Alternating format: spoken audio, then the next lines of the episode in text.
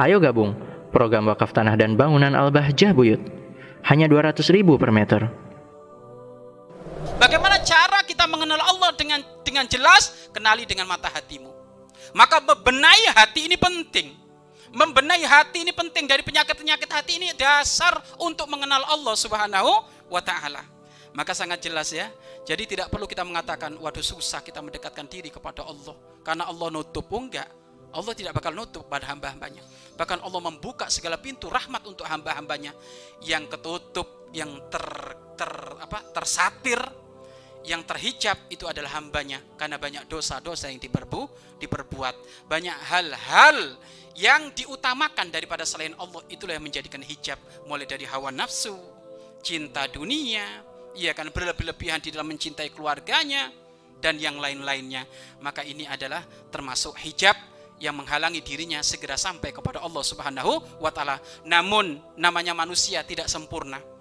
Mula-mula mungkin kita terhijab tapi segera bangkit menuju kemuliaan menuju kemuliaan dengan cara apa tadi? Agungkan Allah. Maka kalau sholat yang khusyuk ya kalau sholat yang khusyuk kamu itu ngadap Allah loh kalimat takbir tolong diresapi Allahu Akbar kalimat Allahu Akbar tolong diresapi dengan ketawaduan hati bukan dohirnya noleh kanan kiri itu tidak harus tawaduk menghadap. Makanya termasuk kiblatnya, kiblatnya mata itu kalau bagi orang sholat itu ke bawah, ke bawah itu tanda orang tawaduk.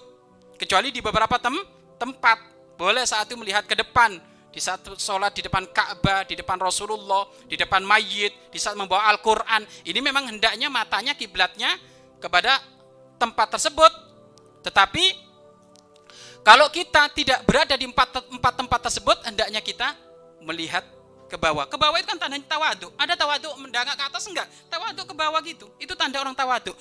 Maka hadirkan di saat engkau sholat itu dalam keadaan seperti itu tawadu kepada Allah. Tawadu tanda engkau mengagungkan Allah Subhanahu wa taala dengan kau membaca membaca surat Al-Fatihah, dengan kau hayati maknanya, doa itidal kau hayati maknanya, doa sujud kau hayati maknanya, doa rokok kau hayati maknanya.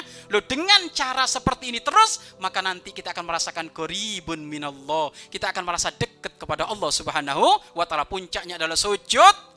Sujud itu adalah momen akrabu mayakunul abdu mirabbi fawasajid. Paling dekatnya seorang hamba kepadaku di saat waktu su, sujud.